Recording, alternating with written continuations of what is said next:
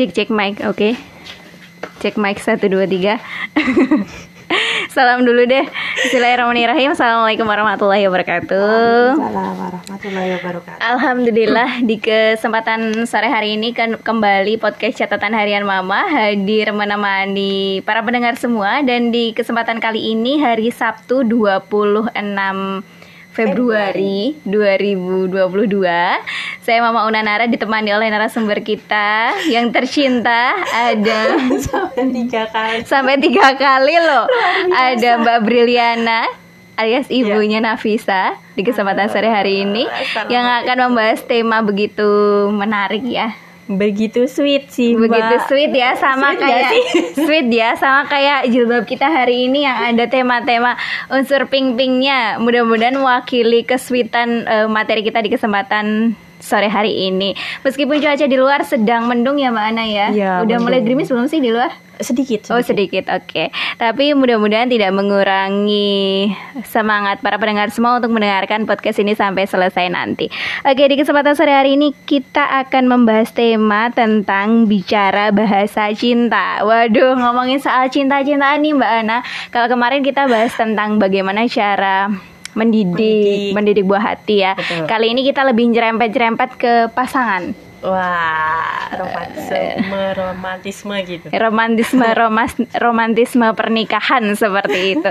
Nah ngomongin soal eh, bahasa cinta, nah ini konteksnya tentu saja pasangan halal kita, suami istri, hubungan Betul. suami istri. Sebelumnya mengawali mungkin ketika kita membahas tentang cinta itu sebenarnya memiliki banyak arti ya Mbak ya. Eh, ada yang mengartikan sebagai bentuk perhatian, ada yang cinta ya eh, kamu wujudkan dalam mungkin kata-kata dan lain sebagainya. Makanya di broadcast kan di broadcast yang kita Ah, bikin ah, ah. itu eh, contohnya adalah pe- pertengkaran Tapi itu kayak relate banget. Iya relate gara-garanya mas kamu sayang aku apa enggak kayak gitu kan ditanya sayang aku apa enggak si suami cuma dengan ya ibaratnya dengan Yo, kayak jawabnya, iya. iya Mau iya enggak, iya enggak. mau mau enggak enggak dan itu bikin si istri tuh jadi kayak kepancing rada kok kayaknya enggak tulus ya nah ini gimana nih Cinta nggak sih? cinta nggak sih sebenarnya kayak gitu kan harusnya seperti apa kita membahasakan ya atau mewujudkan mengekspresikan bentuk cinta kita kepada pasangan kita. Untuk mengawali sebagai eh, pembukanya makna pernikahan sebenarnya mbak udah berapa tahun mbak? Mbak Ana nikahnya berarti? Aduh, kalau berapa tahun? Berarti dua tahun ya. dua tahun Dua ya. tahun. Masih baru. masih baru.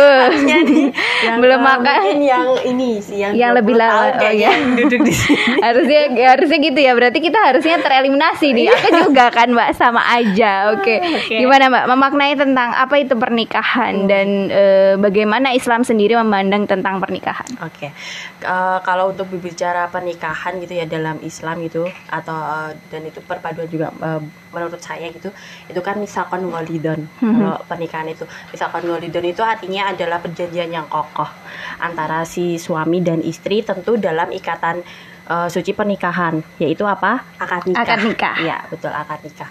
Kemudian eh, di dalam pernikahan itu tuh tidak hanya membahas tentang tidak hanya membahas tentang hasrat seksual saja gitu kan mbak betul. tapi di dalam pernikahan itu ya ada kebahagiaan Mhm, betul ada betul. kehidupan juga di dalam pernikahan gitu maka eh, pernikahan itu adalah kalau kita tahu Mhm. eh, apa ibadah terlama yang nilainya saja sudah separuh agama gitu loh. Berarti kan besar banget kan Mbak itu. Itu makanya kenapa kok bisa separuh agama ya karena menyatukan dua manusia yang berbeda dari rahim yang berbeda untuk eh, tinggal berdampingan dalam satu atap itu kan susah sekali. iya Ya kan, perkenalan sama pasangan aja juga nggak cuma sehari dua hari, dan itu betul seumur hidup gitu kan Eh, apa eh, pernikahan itu tuh tidak cuma hanya senang Mm-mm. tapi eh, melakukan apa pun menja apa harus dengan senang gitu ya. Yang tidak enak pun harus dijalani dengan senang. Itu kan kalau Iya. pernikahan kayak gitu kan Mm-mm, Mbak. betul. Yang dijalani juga harus eh, apa itu senang gitu. Agar apa? Agar keduanya itu eh, nanti akhirnya juga eh, mendapatkan eh, kalau kita bilang adalah eh, makasidu syariah nikah. Tujuan pernikahan adalah menciptakan bagaimana rumah tangga itu uh, bahagia gitu. Tidak hanya istri yang membahagiakan suami, Suami, ya. suami yang membahagiakan istri, tapi keduanya saling memberikan kebahagiaan dan ya dari keduanya dan untuk keduanya. Itu yang uh, menurut saya pernikahan. Maka di situ pentingnya kita tahu bagaimana berrelasi dalam rumah tangga, bagaimana kita berkomunikasi dengan pasangan. Opo sih pengenmu tuh apa Mm-mm. gitu. Maumu itu- gimana? Maumu tuh gimana? Mm-mm. Apa yang harus saya lakukan dan apa yang harus kita lakukan agar di pernikahan itu nanti kita bahagia gitu. Yaitu butuh makanya ada yang eh, namanya juga itu bahasa cinta gitu. Oke. Bahasa cinta kan banyak ternyata. Betul. Iya kan bahasa cinta itu banyak. Nah, itu yang harus dari awal sebelum kita menikah itu kita sebenarnya harus mengetahui hal itu gitu agar ketika pernikahan itu ter- rasanya kok kok kayaknya ada yang kayak kurang, kayak- kurang Mm-mm. apa ya gitu itu kita nggak terus langsung gedebak-gedebuk gitu loh mbak langsung ini tuh kok kayak gini sih kok, kok kayak gini sih Kok nikah gini ternyata?" banget sih, iya, kayak kok gitu kayak gini kan. kan jadi kayak Heh, sebel banget gitu kan. Itu sih Mbak kalau menurut Uring-uringan sendiri kayak gitu iya, ya, Mbak. makanya jadi pernikahan itu intinya eh, ya eh, kebahagiaan bersama lah gitu. Oke, karena pernikahan sendiri kan merupakan ibadah terlama ya. Karena tadi kalau Mbak eh, Mbak Ana sudah membuka dengan ketika kita menikah juga sudah melengkapi separuh agama kita. Otomatis separuh eh, separuh yang lainnya dilengkapi dengan kebaikan-kebaikan yang hadir Ya. dalam sebuah ikatan pernikahan tadi. Perjanjian agung loh. Iya, kan? Betul perjanjian sekali. suci Perjanjian suci, perjanjian agung yang Betul. tentu saja tidak hanya sekedar eh, wali dalam hal ini ayah ataupun eh, yang menjadi wali Iya, pernikahan, betul, tapi betul. juga perjanjian kita yang disaksikan oleh para malaikat. ya. malaikat Iya. ya makanya ketika akad nikah kenapa eh, kita eh, ada sunahnya untuk berdoa Mm-mm. karena memang di situ turunnya malaikat mendoakan kita juga betapa sucinya itu ini loh Mbak merinding aku. betapa sucinya ikatan suci pernikahan Mm-mm. gitu loh mbak makanya eh, ada beberapa maksudnya kalau dalam akad nikah itu kan maka eh, kalau dalam fikihnya aduh fikih lagi nggak maksudnya gini saking itu tuh sakralnya Mhm. itu tuh ada eh, adabnya lah ketika menikah yang Iya. pertama Iya. yang pertama adalah eh, mungkin eh, untuk menghadap kiblat gitu. Kemudian yang kedua kalau bisa eh, suami gitu eh, calon eh, apa namanya lelaki apa calon, Calon pengantin. prianya memiliki eh, air eh, memiliki wudhu ketika Hmm. akad nikah sampai segitunya sih. Mm. Karena memang benar-benar eh, apa ya ya tadi ya dikatakan adalah ikatan suci ya. Jadi jangan sampai ketika kita menjalani apa namanya awal pernikahan tuh itu tadi belum tahu apa sih yang harus kita berikan kepada pasangan kita dan pasangan kita pun juga harus tahu apa sih yang yang akan saya berikan kepada pasangan kita. Jadi harus ada eh, kesalingan ya. Jangan sampai cuma satu pihak aja yang menuntut kamu harus seperti ini loh tanpa mau memberikan eh, kewajibannya kayak gitu. Oke, itu tentang makna pernikahan sendiri. Kemudian ketika tadi Mbak Ana juga menyinggung menyinggung tentang eh, relasi, relasi dalam pernikahan atau relasi dalam berpasangan seperti itu. betul, betul. Seperti apa, Mbak? Eh, relasi dalam pernikahan itu ya adalah relasi yang setara. Setara di sini dalam artian antara suami dan istri itu sejajar. Sejajar itu bukan mengurangi takdimnya kita ke suami, maksudnya eh, rasa hormatnya kita sebagai istri ke suami, tapi sejajar di sini adalah eh, mem- tidak ada perbedaan gitu. Misalnya eh, contoh mengurus anak itu tidak hanya kewajiban istri saja, tapi itu juga kewajiban suami kan. Itu yang pertama. Kemudian yang kedua Yang ke yang kedua nampaknya ini sudah dimulai di awal bos sudah iklan. Bagaimana ini?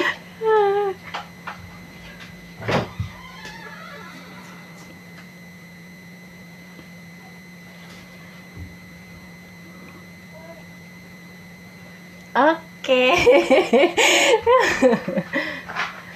Oke. Sudah. Oke, anak mani sudah bangun. Iya sudah ternyata. bangun. Iya, jadi harus ada drama digendong dulu. Baik, kita kembali lagi.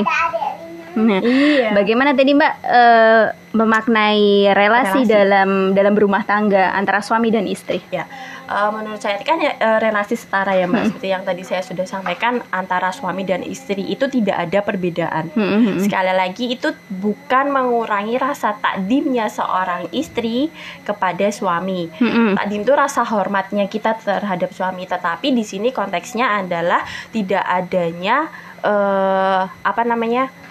Maksud saya maksud saya adalah sejajar gitu antara suami dan istri dalam hal mungkin pertama mengurus anak. Oke. Nah, itu kan tidak hanya kewajiban kita sebagai seorang istri yang Ha, ha, ha. dan seorang ibu, tetapi itu juga kewajiban seorang suami gitu. Kemudian yang kedua adalah pekerjaan domestik rumah tangga.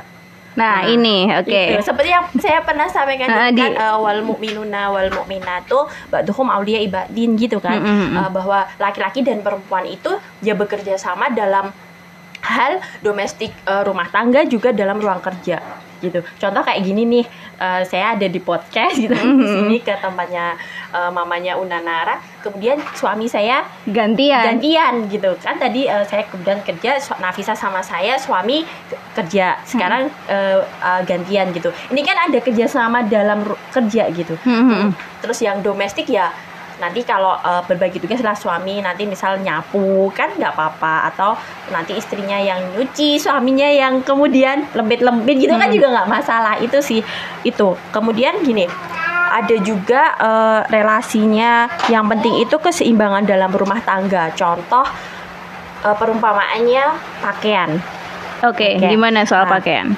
Eh gini kalau perumpamaan yang menariknya perem- eh, pakaian gitu sa- suami sama istri itu saling menyandang gitu urgensinya pakaian dalam kehidupan apa sih mbak yang pertama adalah eh, ini memberikan kehangatan Betul. Nah, yang kedua adalah keindahan, Mm-mm. ya kan. Kemudian yang ketiga nih paling penting pakaian itu untuk apa sih? Menutup aurat kan. Iya. Berarti menutup rahasia kan. Itu di mana eh, nanti itu akan jadi akan eh, berpengaruh pada yaitu misalkan walidon itu tadi ikatan suci pernikahan itu yang harus kita jaga gitu loh. Itu makanya kalau kita sudah eh, bisa melakukan itu maka untuk melakukan yang namanya muasyarah bil ma'ruf artinya adalah be- berbuat baik kepada pasangan itu ses- sesuatu hal yang kerelaan hati untuk melakukannya gitu. Bukan paksaan Iya, ya. bukan.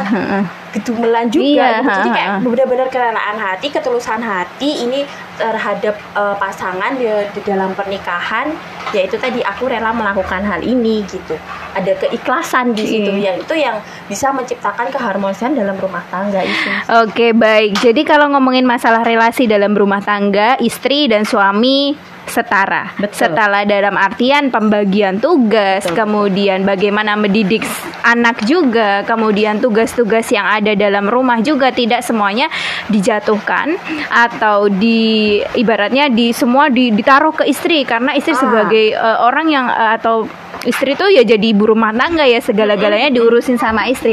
Berarti kan itu nggak nggak setara ya, setara. nggak nggak setara, nggak seimbang.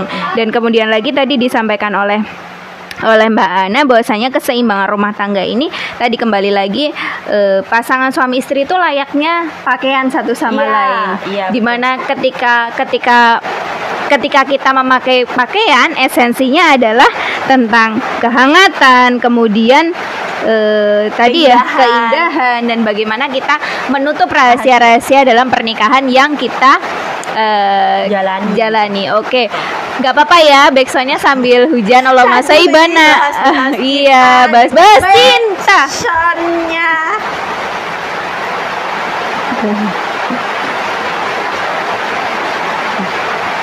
Oke, kayaknya sama ini juga sedikit. Oh, itu HP. ya. Oke, udah. Udah. Selalu ada hal yang menarik di podcast catatan harian Mama. Mbak Ana udah kali ketiga di sini dan selalu dapat dapat cerita lucu ketika pulang ya. Ini kita backsoundnya ditemani oleh Sarah Hujan, hujan. rintikan hujan. Oke, nggak apa-apa. Gak sih kalau ini. Iya, ini terus agak terus. Naraya itu takut sama suara hujan kencang. Oh. Oke. Oke, nggak apa-apa.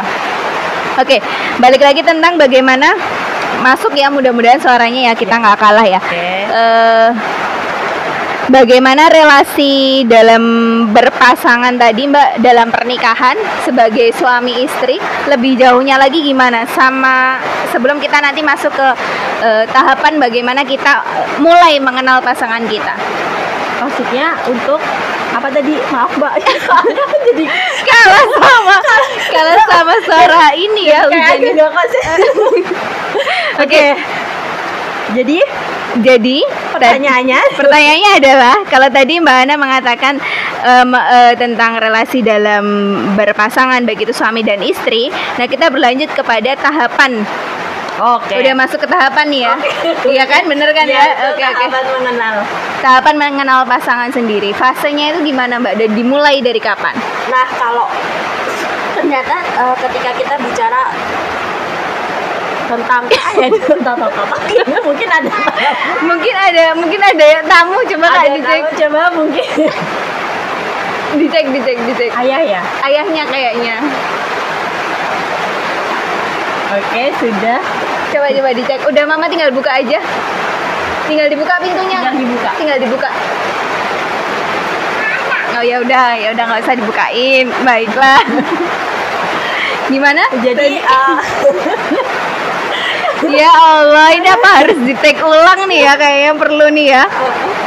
Boleh boleh di tag ulang nanti Iya. terus kita upload gitu Iya. ya kayaknya begitu terus nanti saya lupa apa yang saya sampaikan Tentang bagaimana tahapan mengenal pasangan, Mbak Ana? Oke, tahapan mengenal pasangan itu kalau kita baca teorinya kan ada fase-fasenya gitu ya. Nah, tapi memang berbeda, setiap orang yang melaluinya berbeda. Biasanya tuh tahap pertama tuh tahap-tahap romansa gitu Ya, kan. tahap-tahap bulan romansa. madu, tahap-tahap eh, masih cinta-cintanya gitu. Oke. Saldo saldo cintanya tuh masih penuh gitu kan. Tapi ketika sudah masuk ke tahun kelima gitu, masa-masa kalau Mbak Sukma eh, katakan tuh kayak cranky-cranky Hmm. gitu kan, masa-masa yang eh, apa namanya masa-masa yang kurang mengenakan mungkin di lima tahun pertama. Tidak semua sih, tapi Rata-rata ya. fase-fasenya seperti itu. Kemudian fase di kelipatan kelima, ke, ke- kelipatan kelima, kelipatan kelima. Tapi setelah kelipatan kelima itu Hmm. biasanya kan katanya harmonis gitu. Ya kan? Maksudnya harmonis ya. Iya. Eh, usia 17 17 tahun, usia 20 tahun, 25 tahun, maksudnya usia pernikahannya bukan Mhm. usia orangnya. Usia usia usia segitu biasanya katanya sih sudah mulai usia harmonis gitu. Tapi pada kenyataannya yang terjadi adalah banyak di usia pernikahan itu meminta untuk perpisahan.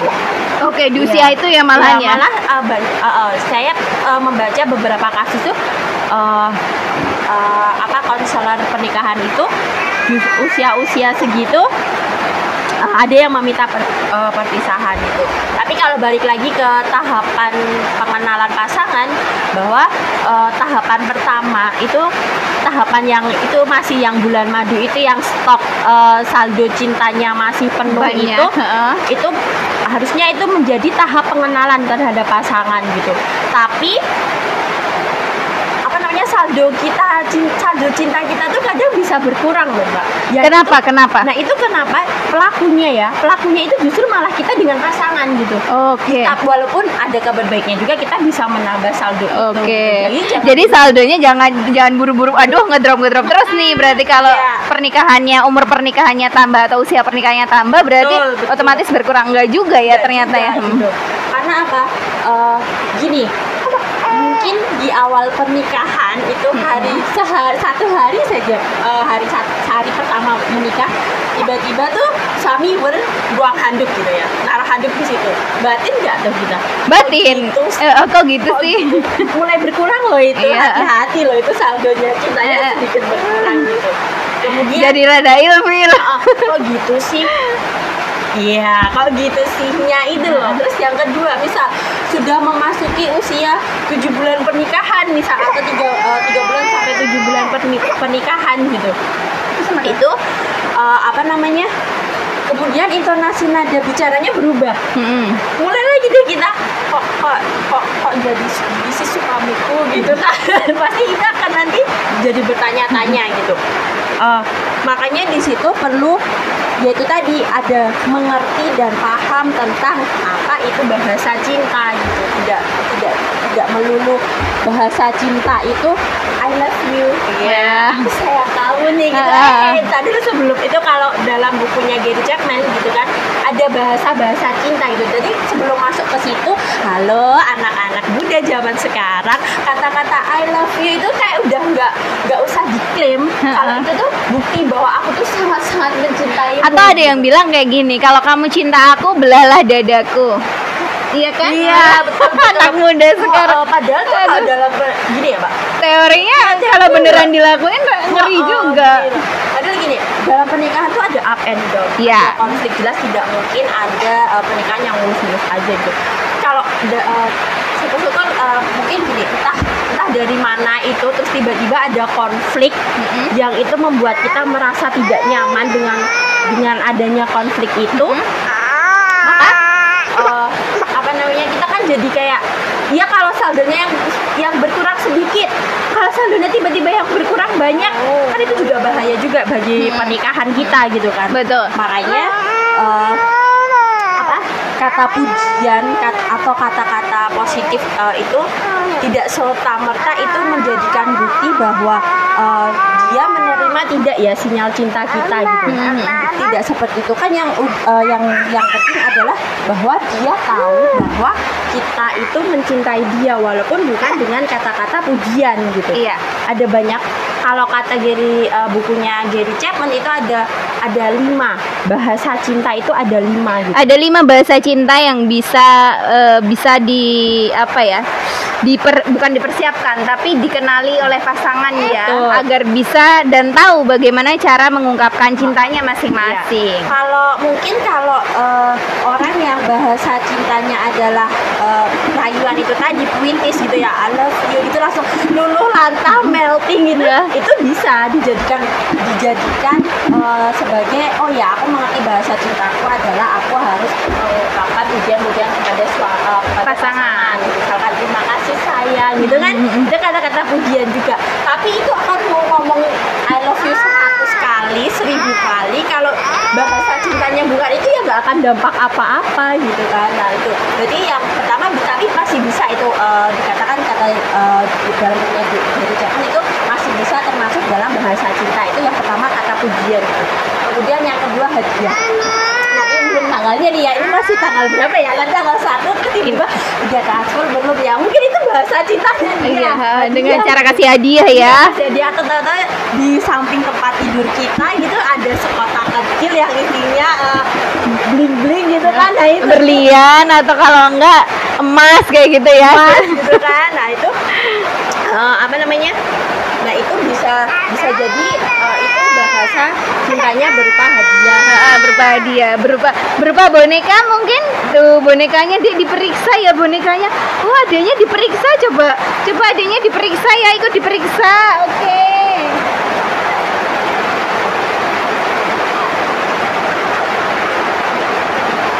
Ya diperiksa diperiksa itu tuh Oke. diperiksa ditaruh di sana. Ya baik.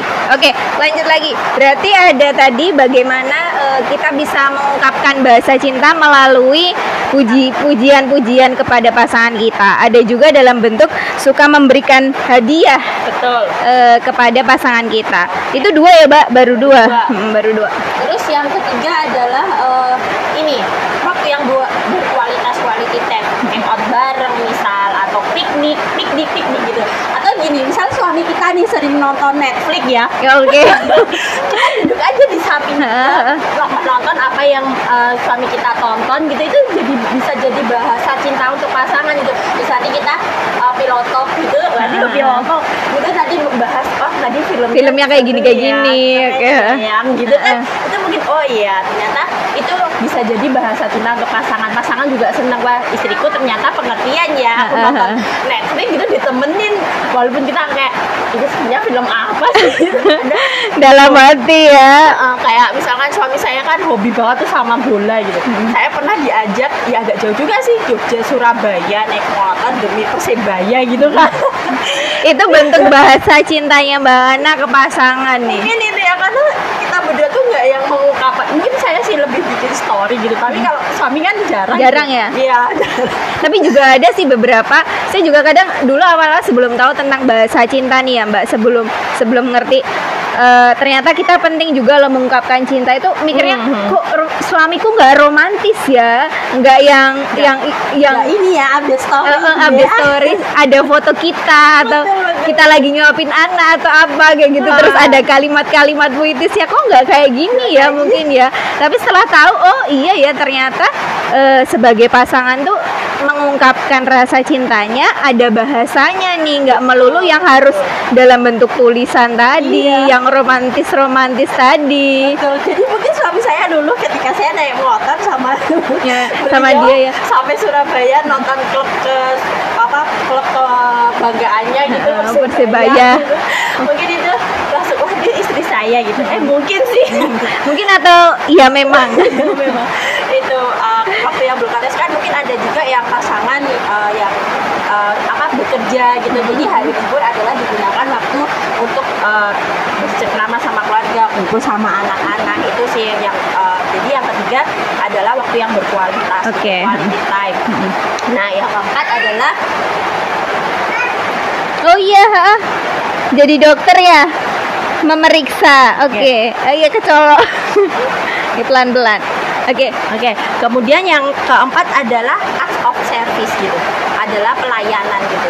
Pelayanan di sini bukan arti diranjang saja ya. Misal gini, eh, kita tuh pecinta kamar mandi yang lantainya bersih. oke. Kemudian suami dengan gagahnya masuk WC gitu. Iya, iya. Kita kan tersenyum lebar kan, walaupun itu hal-hal receh gitu. Jadi gini, dalam pernikahan itu hal receh kadang perlu mbak daripada kita berpikir berpikir tapi eh, walaupun itu untuk kebaikan. Maksudnya untuk yang hal yang baik, Wah, gitu ya, kayak yang positif. juga. Hmm. Tapi hal-hal receh dalam pernikahan tuh kadang tuh memang perlu. Salah satunya kan sudah disebutkan dalam hadis juga ya, salah satu candaan yang iya kan bercanda dengan dengan apa antara suami dan istri itu berpahala. berpahala Hmm. berpahala sekali gitu jadi jangan kok, kok suamiku garing ya gitu Eh, mungkin mungkin kita juga ya itu mencoba memahami ya oh suamiku ya kayak gini walaupun ya emang garing. receh. walaupun sedikit receh tapi Heeh. itu mungkin eh, jadi afirmasi positif untuk hubungan kita gitu kan nggak terus melulu oke kita menikah kita mau apa nih pertama kita harus misalkan kayak gitu juga kayak aku tuh menikah sama apa gitu Mungkin sama ditakno iya ya, mikirnya jadi kayak Iya, gitu ya. jadi jadi ada ada hal mungkin yang serius mungkin uh, dalam untuk uh, pendidikan anak. Misal itu untuk hal-hal serius misal yang receh-receh apalah uh, yaitu konsep WC gitu kan bisa jadi hal res, receh atau tapi itu kayak udah pengorbanan suami banget untuk uh, mengungkapkan bahwa aku tuh peduli loh ya sama kamu yang gitu. Atau nanti kita pas masak tiba-tiba ada yang teh gitu kan jadinya kayak luluh gitu nggak sih mbak? Ya itu terus bantuin juga urusin suami. Jadi berarti saya sekarang lagi luluh nih. Karena eh, apa namanya Nafisa lagi sama ayah. Oke baik. Ini kedengeran nggak ya? Itu ada kayaknya ada komen dari dari aku nggak kelihatan mbak dari sini kebaca nggak ya? kayak aku juga udah mulai nggak kebacanya apa perlu periksa kan Apa perlu periksa? Iya. Oke terima kasih kita juga menyapa para pendengar podcast catatan harian Mama yang sudah bergabung melalui Instagramnya. Terima kasih. Dan nanti juga bisa mendengarkan eh, rekaman podcast ini melalui aplikasi Angkor. Ih sedih banget mbak mau main aplikasi jadi keinget kemarin aplikasinya nggak bisa dibuka sedih banget padahal mbak Ana udah keren banget nyampeinnya apa bisa cek di eh, Instagramnya iya. Semoga- tapi pakai headset ya dan semoga itu bermanfaat juga Iya. Oke, lanjut itu tadi ada sudah ada empat ya mbak ya. Sudah ada empat. Yang kelima tentang Yang bahasa cinta. adalah nah ini nih sentuhan fisik gitu Eh, misal tuh kalau ada eh, pasangan yang sering eh, peluk-peluk gitu Mm-mm. misal atau apalah itu eh, apa eh, sentuhan-sentuhan fisik itu oh ya berarti mungkin bahasa cintanya pasangan kita tuh hal itu gitu tapi hati-hati kita bisa jadi ini loh mbak pembunuh berdarah dinginnya pasangan loh Kenapa? Kenapa jadi soalnya? kalau misalkan bahasa cintanya dia adalah sentuhan fisik ketika kita jalan di mall terus kita digandeng apa sih orang jalan sendiri aja bisa itu kan Ah. kayak "Wah, kok di, cuma pengen ini loh aku ya Ha-ha. dengan mungkin sentuhan fisik gitu kan terus terus kita tiba-tiba atau kalau kan mungkin aku bayangin kalau kita udah usia lanjut itu udah tua juga ngapain gandengan-gandengan gitu kan kayak bayangin ke hal itu juga tapi kalau memang itu jadi bahasa eh, apa namanya bahasa cinta dengan pasangan gitu Mhm. ya harusnya kita juga untuk men- apa mencoba untuk menerima bahasa cintanya itu gitu kan? Ya itu ya makanya yang jadi pertanyaan bagaimana sih kita tahu bahasa cinta pasangan kita gitu ya? Ya, ya sudah perhatikan saja bagaimana cara dia menyayangi kita. Itu pasti kita akan tahu bahasa bahasa cinta eh, untuk pasangan gitu. Iya, ini bahasa cinta juga nih kayaknya. Sebentar ada panggilan nih.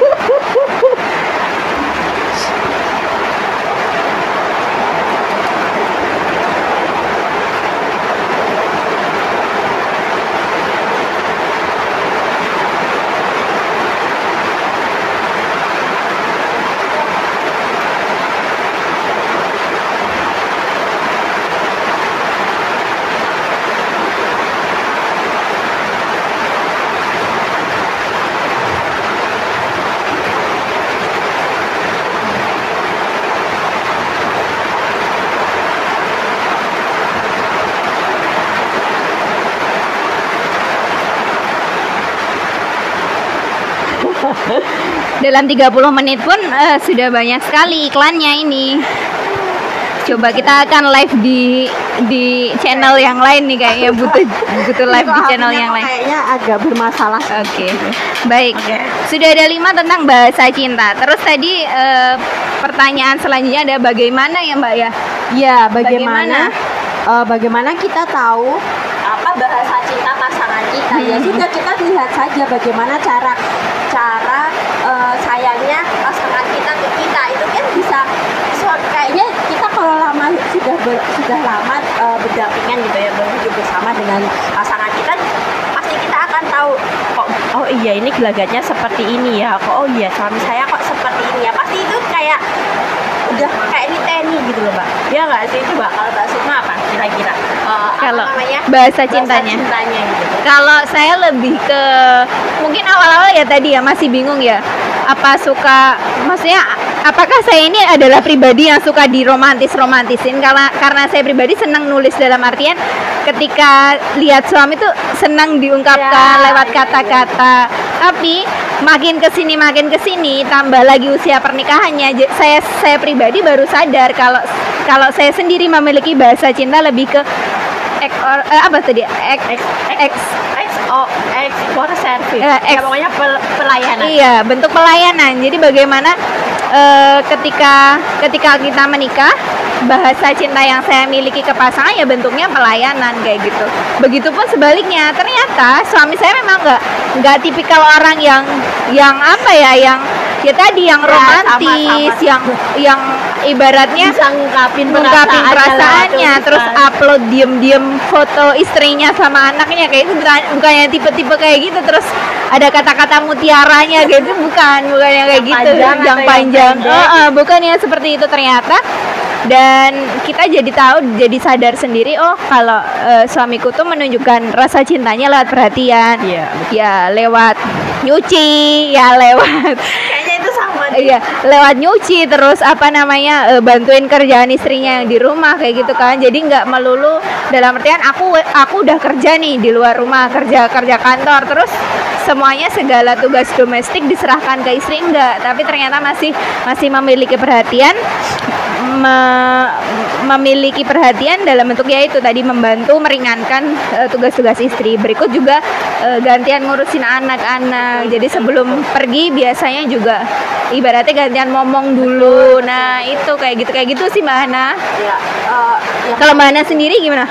kalau nah, sebenarnya saya tuh lebih ke ini sih waktu yang berkualitas mungkin karena saya dan suami sama-sama bekerja gitu ya jadi waktu berkualitas tuh eh, ini harusnya kalau sekarang tidak hujan pun itu kan eh, pengen gitu kan ngajak Nafis eh, ke playground. Eh, playground sih apa sih kayak ke mainan itu bahkan nggak ada tembak malam jadi mungkin insya Allah sih besok. Jadi saya sama suami tuh lebih ke itu sih waktu yang berkualitas. Tapi saya berpikir waktu yang berkualitas tuh uh, bukan satu uh, bukan salah satunya juga tapi pelayanan juga. Soalnya uh, ketika kita di rumah ya berbagi tugas itu kalau saya pulang misal saya pegang nafis nanti suami yang masak atau saya yang masak nanti gantian. Dia yang cuci piring gitu. Jadi bahasa cinta kita tuh um, ya tapi kalau tulis satu emang di awal-awal pernikahan saya kayaknya story saya tuh waktu itu ya suami gitu Isinya tentang tentang ini ya kebucinan ya mungkin. tentang eh tapi gini mbak bu, bucin itu boleh loh Oh, Bucin boleh. Oke, Tapi- next time kita bahas bucin. tapi untuk pasangan yang sudah kalah Oke. yang belum, ya jangan dulu Iya. maksudnya kan kalau mengungkapkan uh, perasaan cinta ke suami kan nggak apa-apa ya nggak masalah untuk menumbuhkan rasa cinta-cinta itu tadi sebenarnya topik ini tuh menarik banget mbak tahu ilmunya terus kita mau mempraktekannya dan kita nggak malu gitu loh untuk mempraktekannya biasanya kadang kita udah tahu nih ilmunya terus kita tuh terus kita tuh malu gitu loh Aduh, anakku ternyata di belakang. Awas aja. Ini jangan ya. Taruh aja.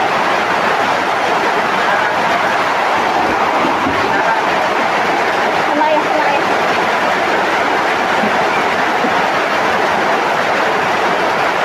Jadi kita sedang menyaksikan bahasa cinta seorang suami ke istri gitu. Ya, gantian jaga anak ya. Ini sa- Ini baterainya sudah mau habis. sudah mulai ngedrop apa gimana? Nggak kelihatan. Iya itu ada tanda petir-petirnya. Tolong ini kenapa hujan terus ada muncul petir-petir itu. Oke, Mbak Ana, hari ini tuh sebenarnya pengen banget eh, kalau ngebahas ini tuh begitu menarik ya, begitu epic kalau saya bilang. Kemarin kita udah semangat semangat tapi ya kodarullah ini hujan juga, jadi suaranya kayaknya ketimpa deh ya. Semoga nanti rekamannya bagus ya. Jadi paling tidak ada salah satu yang bisa Iya bener bener bener. Harapan terakhirnya di angkor ini ya, mudah-mudahan angkornya berjalan mulus dan lancar. Oke. Bisa disampaikan ya teman-teman kalau nanti di Instagram kurang berkenan bisa Iya. beralih ke Oh. Jagonya Basuk main. Iya benar. Jadi karena karena ini di luar baru hujan, kita juga belum punya studio yang kedap suara. Ini masih di ruang tamu ala kadarnya. Mudah-mudahan nanti na- eh, untuk para pendengar semua bisa mendengarkan juga melalui Angkor FM ya. Angkor nanti kita kasih link di atas di atas bio eh, di link bio ya biasanya. Ah, Iya. apa ya? Iya, tinggal bio. diklik nanti keluaran. Soalnya di bio saya tuh nggak ada apa-apanya, cuma saya cuma saya tulis ur urep iku urup gitu. Iya. Kalau saya nggak punya ya kayak apa-apa gitu. Jadi saya itu ada link bio nanti link bionya nanti diklik terus keluar deh yang ini Angkor FM-nya. Baik. Oke. Tadi tentang apa Mbak? Sampai di mana tadi? bahasa cinta ya, Mbak. Iya, bahasa Dan cinta. itu gini, eh, teori-teori eh, dalam bukunya Gary Chapman itu ternyata Rasulullah sudah melakukan ini. Oke, masya Allah. Heeh. kalau kita mau baca sirah kan uh, Rasulullah punya panggilan sayang untuk Sayyidah Aisyah artinya ya Humairah Ya Humaira. ya itu kata pujian gitu kemudian Rasulullah juga uh, pernah mengajak uh, apa di lagunya itu kayak kalau tidak salah lari-lari kecil Lari-lari. quality time. itu tidak Rasulullah juga pernah menjahit bajunya sendiri. Sampai itu tuh ternyata apa yang dituliskan uh, di era sekarang gitu ternyata itu tuh Rasulullah, Rasulullah sudah mencontohkan jauh apa jauh sebelum era ini gitu berarti kan masya Allah banget ternyata bahasa cinta yang disampaikan oleh Gary Chapman itu sudah punya panutannya loh. Ya itu siapa ya? Rasulullah itu sampai saya tuh baca ya Allah kok ini jadi merinding sekali gitu ternyata jauh sebelum itu sudah ada yang melakukan itu yaitu ya hubungan kita Nabi Muhammad itu kan masya Allah. Masya Allah ya. Ternyata eh, jauh-jauh kita kalau belajar atau membaca buku, ternyata teori teori dan prakteknya Oh, sudah ada dari iya. orang terdahulu yain, yaitu baginda Rasulullah. Bagaimana kurang lengkap apa sih Rasulullah itu dalam eh, mencintai istrinya seperti Iya. itu kan? Bagaimana beliau memuliakan pasangannya juga, me- memberikan dan menunjukkan rasa cinta kasih ke pasangannya yang tentu saja kita sebagai sebagai eh, sebagai umatnya tentu harus bisa meneladani eh, segala eh, bentuk ini ya apa namanya contoh-contoh yang beliau lakukan dalam kehidupan. Ya, eh, Lanjut lagi mana? ya itu makanya topik ini tuh kan jadi menarik ya kalau yang tadi saya sampaikan kalau kita udah tahu ilmunya kita mau dan kita tidak malu untuk mempraktekannya karena sekarang kita udah tahu ilmunya nih mau mempraktekkan ke pasangan aja tuh kayak malu-malu gitu loh padahal apa yang kita lakukan cuma Noel gini aja tuh kita udah nilai ibadah loh ya Iya. ya kan mbak kenapa itu tuh harus kita jadi eh, malu Malu. untuk- eh, malu untuk melakukannya padahal itu menjadi salah satu bahasa cinta kasihnya kita ke pasangan Berarti ketika kita bisa mempraktekannya pun juga, insya Allah akan bernilai pahala ya Mbak Iya, ya. betul, betul. Kalau tadi dikatakan Noel aja dapat pahala, apalagi kita menunjukkan rasa cinta kasih sayang Iya. kita ke pasangan kita dengan total lah ibaratnya. Udah nggak ada batasan. Aduh kalau mau gini kayaknya nggak boleh gitu, nggak boleh nggak udah nggak ada batasan lah ya. pokoknya the power of love gitu. Nah, iya. Saya jadi ingat gini, ini saya tulis eh, perkataannya eh, kalau Mbak eh, Sukma tahu Dokter Fahrudin Faiz gitu, Mhm. ketika b- beliau bicara tentang cinta cinta relasi cinta itu relasi yang paling dahsyat gitu. Jadi dalam kalau kamu ingin tegak gitu bangun dirimu dengan karakter penuh cinta gitu.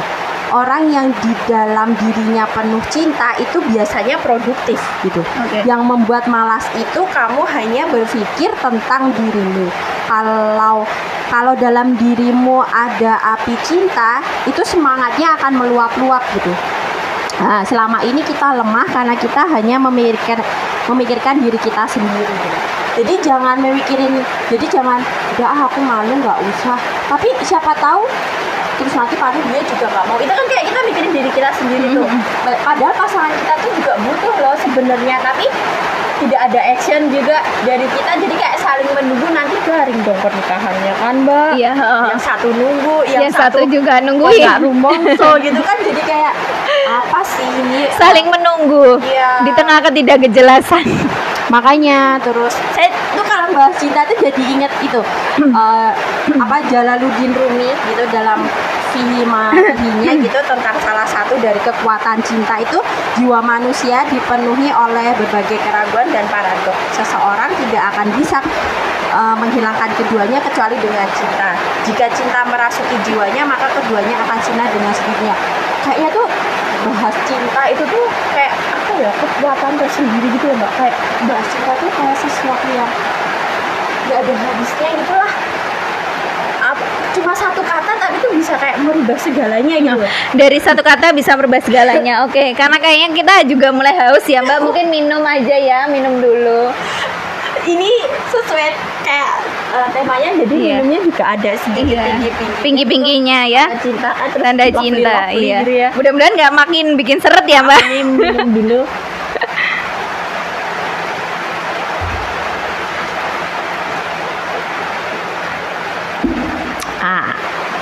oke cukup rasanya? Oke. Eh, Nafis mantapnya gini mantap Oh, mantap, mantapnya gitu ya. mantapnya tauhid bukan gini mantap itu sih mbak ya, itu tadi balik lagi eh, soal cinta kalau kita mau kembali lagi ke ke masnya tahapan mengenal pasangan Hmm. itu tentu di awal-awal eh, maksudnya di tahun pertama itu golden period jadi Golden period. em, apa namanya masa emasnya kita mengenal pasangan gitu. Tapi kita juga jangan berasumsi bahwa kita sudah mengenal pasangan loh ya. Terus eh, mohon maaf misal eh, kan ada pernikahan yang dimulai dari misal perjodohan gitu. Ada mulai eh, mungkin dari perkenalan terlebih dahulu sebelum sebelum menikah gitu. Terus kita berasumsi bahwa eh, gini kita sudah mengenal pasangan. Mm-mm. saya eh, kalau tahu konselor pernikahan itu saya pernah mendengarkan eh, apa ya Kak Indra itu menyampaikan beliau menyampaikan ada yang sudah eh, ini konteksnya mungkin di luar dari eh, ini enggak enggak enggak keluar juga sih maksudnya ada ada yang me- menjalani kayak Taruh. bukan eh, semacam pacaran. Oke, oke. ini mungkin karena kita global ya kan membahas cintanya itu 10 tahun juga bukan jaminan gitu kalau dia sudah mengenal pasangan jadi jangan ja, kita jangan berasumsi kita tuh sudah sangat mengenal pasangan itu justru makanya di tahap-tahap pertama ini kita uh, mungkin apalagi yang uh, taarif itu benar-benar di tahap uh, awal ini kita coba mencari tahu uh, latar belakang pasangan kita gitu. Nah itu, ya udah kayak kita mau bikin biografi pasangan gitu loh mbak. Kita cari tahu bagaimana uh, dia dulu dididik oleh orang tuanya, kemudian ketakutan apa yang uh, dia alami, terus habis itu mungkin uh, apa namanya uh, dia punya fase trauma waktu kecil hingga dia dewasa oh gitu, iya. Ya. trauma masa lalu inner child ya, ya mungkin. Mungkin pasangan kita pernah mengalami luka batin dalam hidupnya itu yang itu itu nanti kita kalau sudah mengetahui kita bisa mengetahui bagaimana pasangan kita dan apa yang harus kita lakukan ke pasangan kita. Dan kita mengetahui karakter orang tua. Otomatis di situ kita juga bisa mengetahui itu gitu. Jadi kalau ada kok pasangan tuh dulu ya apa sih yang salah dari pasangan tuh? Apa sih yang harus dirubah? Kayaknya pertanyaan itu kalau disampaikan ya kita sendiri yang harus berubah. Kita juga kita kan untuk pasangan gini gini gini, gini. tapi kita kan tidak pernah mengenal pasangan kita bahwa dulu dia pernah loh mengalami uh, luka luka batin gitu. Karena gini apa yang dilihat dari uh, sewaktu dia kecil hmm? itu sampai dia dewasa. Itu secara uh, alam bawah sadar itu merekam 80% semua? persen loh mbak. Merekam di sini kalau uh, kita kalau mau tahu uh, ilmu yang tentang bawah alam apa di bawah sadar itu sampai angkanya mencapai 80% kemudian yang 12 persennya itu adalah masuk di akal sehat 80% dibanding 12%, 12% persen jelas yang 80% persen yang akan melekat sini. Iya, betul. Artinya gini. Jadi artinya mungkin misalkan gini punya orang tua yang masih beruntung lah ya ya beruntung ketika misal keluarga dia dari keluarga yang harmonis gitu hmm. ayah ibunya harmonis gitu jadi mungkin kita menjalani pernikahan lurus-lurus aja role modelnya orang tuanya ya jalannya lurus-lurus aja. Tapi ketika kita mendapatkan pasangan yang misal orang tuanya uh, mungkin divorce atau uh, melakukan kekerasan misal atau apa pun atau ibunya galak gitu ya. Padahal kita dalam hati itu pasangan kita tuh mencoba untuk saya jangan melakukan itu. Itu yang 12 persennya nih hmm. yang akal sehatnya yang dia gunakan. Jangan sampai kita sama ya, kayak gitu. sampai, tapi kan di bawah alam uh, di bawah sadarnya kita yang 80 dan ternyata kita melakukan itu gitu sama ayah Oke. Okay. Nah itu nanti takutnya itu kan juga akan berdampak kepada uh, pernikahan kita gitu. Ya berarti oh kita tahu nih ternyata pernikahan kita tuh off road gitu, mm-hmm. jalannya jalannya terjal yeah. harus sana. Iya benar benar benar. Bukan yang jalan tol yang lurus lurus, aja. Itu yang asik gitu. Jadi kita juga bukan mencoba untuk mungkin iya ya sedikit. Jadi sebelum untuk merubah pasangan dulu merubah cara pandang. pandang kita gitu.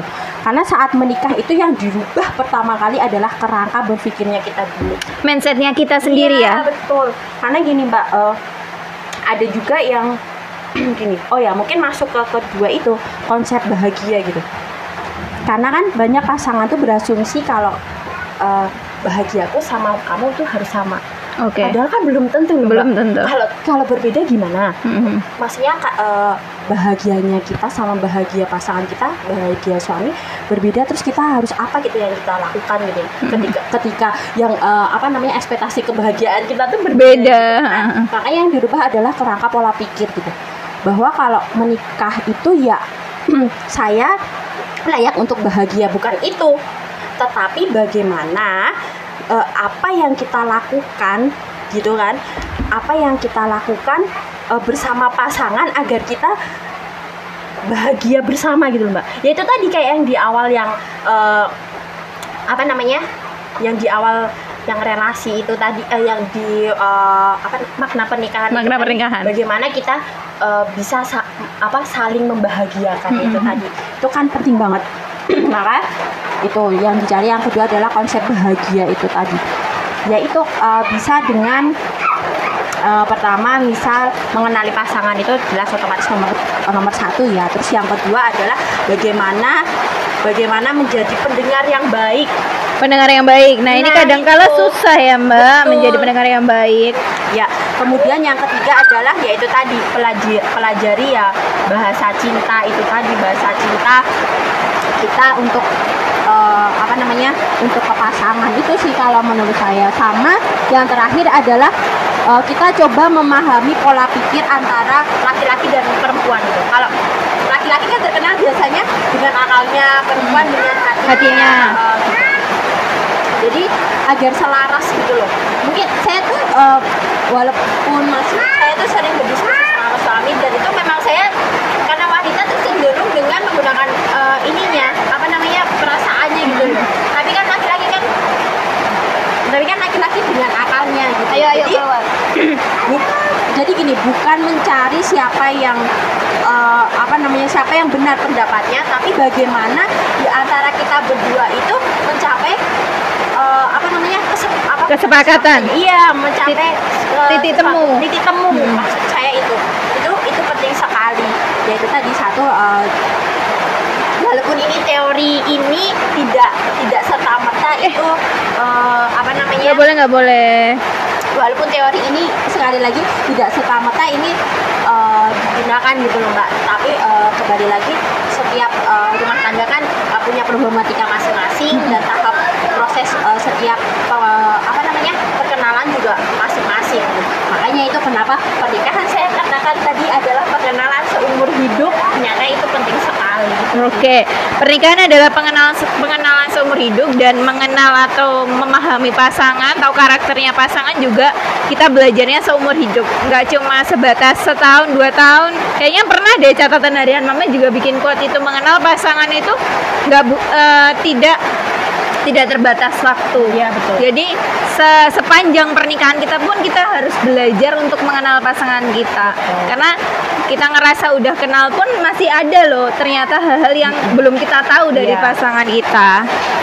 ya jadi kayak jangan sampailah alasan klasik eh, untuk berpisah itu karena eh, tip- apa beda prinsip Hmm, beda atau, prinsip. atau apa pun gitu pasti itu semua akan ada titik temunya kalau kita bisa saling eh, mengerti. Ini kan eh, ini gini ya teman-teman semua yang mendengarkan mungkin usia pernikahan saya atau usia pernikahan eh, Mama Unanara itu mungkin masih tergolong masih kita muda. Tapi justru karena kita ini baru awal akan memulai gitu kan memulai pernikahan dan kita sudah punya contoh-contohnya ya mungkin kita belum ke arah mereka gitu. Usia belum usia usia pernikahan itu. Tapi eh, ayo kita mencari ilmunya itu tadi gitu loh jangan terus kita menikah ya sudah stuck saja berhenti di situ tapi bagaimana kita tetap dengan suami sama-sama mencari ilmunya agar ketika kita tahu ada masalah yang serupa atau kita mengalami masalah yang serupa eh, dengan orang-orang orang-orang yang mungkin menjalaninya lebih dahulu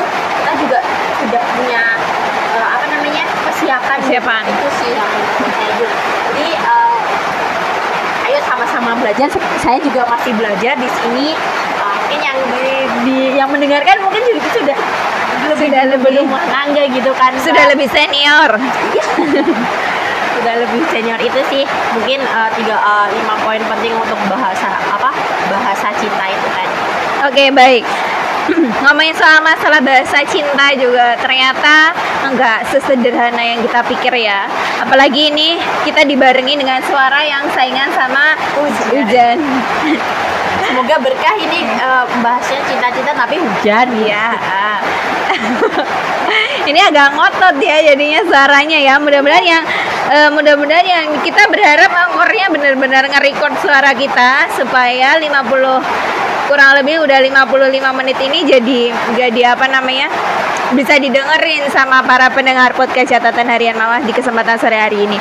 Baik Mbak Ana, sebelum kita tutup tentang tadi mengenal pasangan, kemudian memaknai pernikahan itu sendiri dan relasi dalam berumah tangga. Kalau kita tarik garis kan berarti otomatis pertama harus adanya ini ya, apa namanya?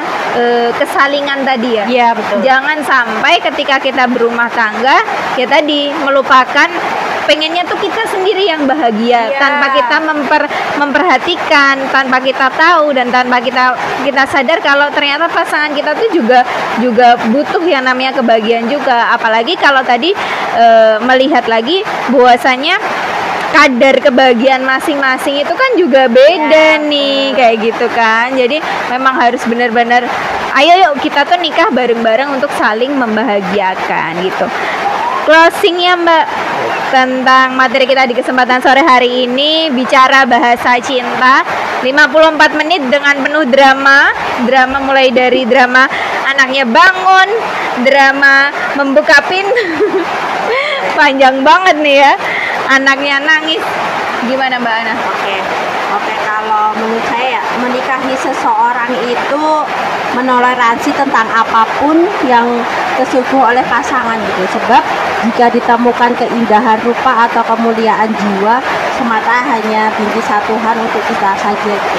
Jadi terima pasangan tapi juga kita eh, apa namanya berusaha untuk memahami pasangan juga gitu.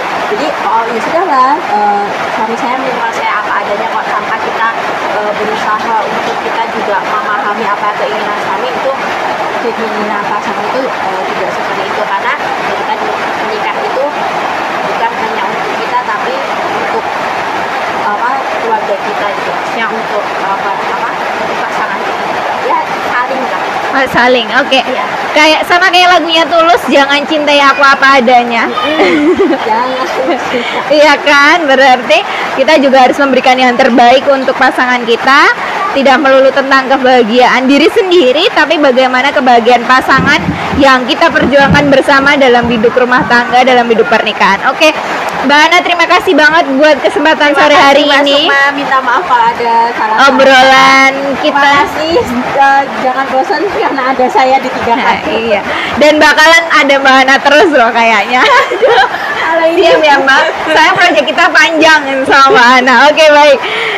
Kita ucapkan terima kasih untuk para pendengar podcast catatan harian Mama di kesempatan sore hari ini. Mudah-mudahan obrolan kita di kesempatan sore hari ini bisa menginspirasi para pendengar semua dan mulai eh, mengungkapkan bahasa cintanya dengan pasangan halal kalian kayak gitu ya. Untuk yang belum belum berani nih masih malu-malu, yuk mulai sekarang yuk ungkapkan bahasa cinta kalian dengan pasangan halal kalian. Jangan malu. Jangan malu pokoknya. Kan udah nikah, udah halal. Oke. Akhir kata saya mau Nanara. dan saya Ibu Nafisa Askia saya, saya sudah sedikit paham Oke. Baik, terima kasih sudah mendengarkan podcast ini dan ketemu lagi next episode bersama narasumber kita. Mbak Ana bakalan sering menemani saya tentu saja. Mudah-mudahan eh, ini hujan ya. Kita berdoa dong mudah-mudahan ada yang eh, apa sih Mbak biar kita disupport nih untuk bikin studio mini. biar podcastnya kalau hujan kayak gini bisa mandali nih Amin, amin amin, ya Allah amin. amin siapa tahu habis ini ada yang denger amin amin, Amin, amin. Oke, terima kasih sudah mendengarkan lagi-lagi terima kasih. Jangan bosan-bosan ya dengerin kita. Eh, akhir kata bila itu hidayah. Assalamualaikum warahmatullahi wabarakatuh.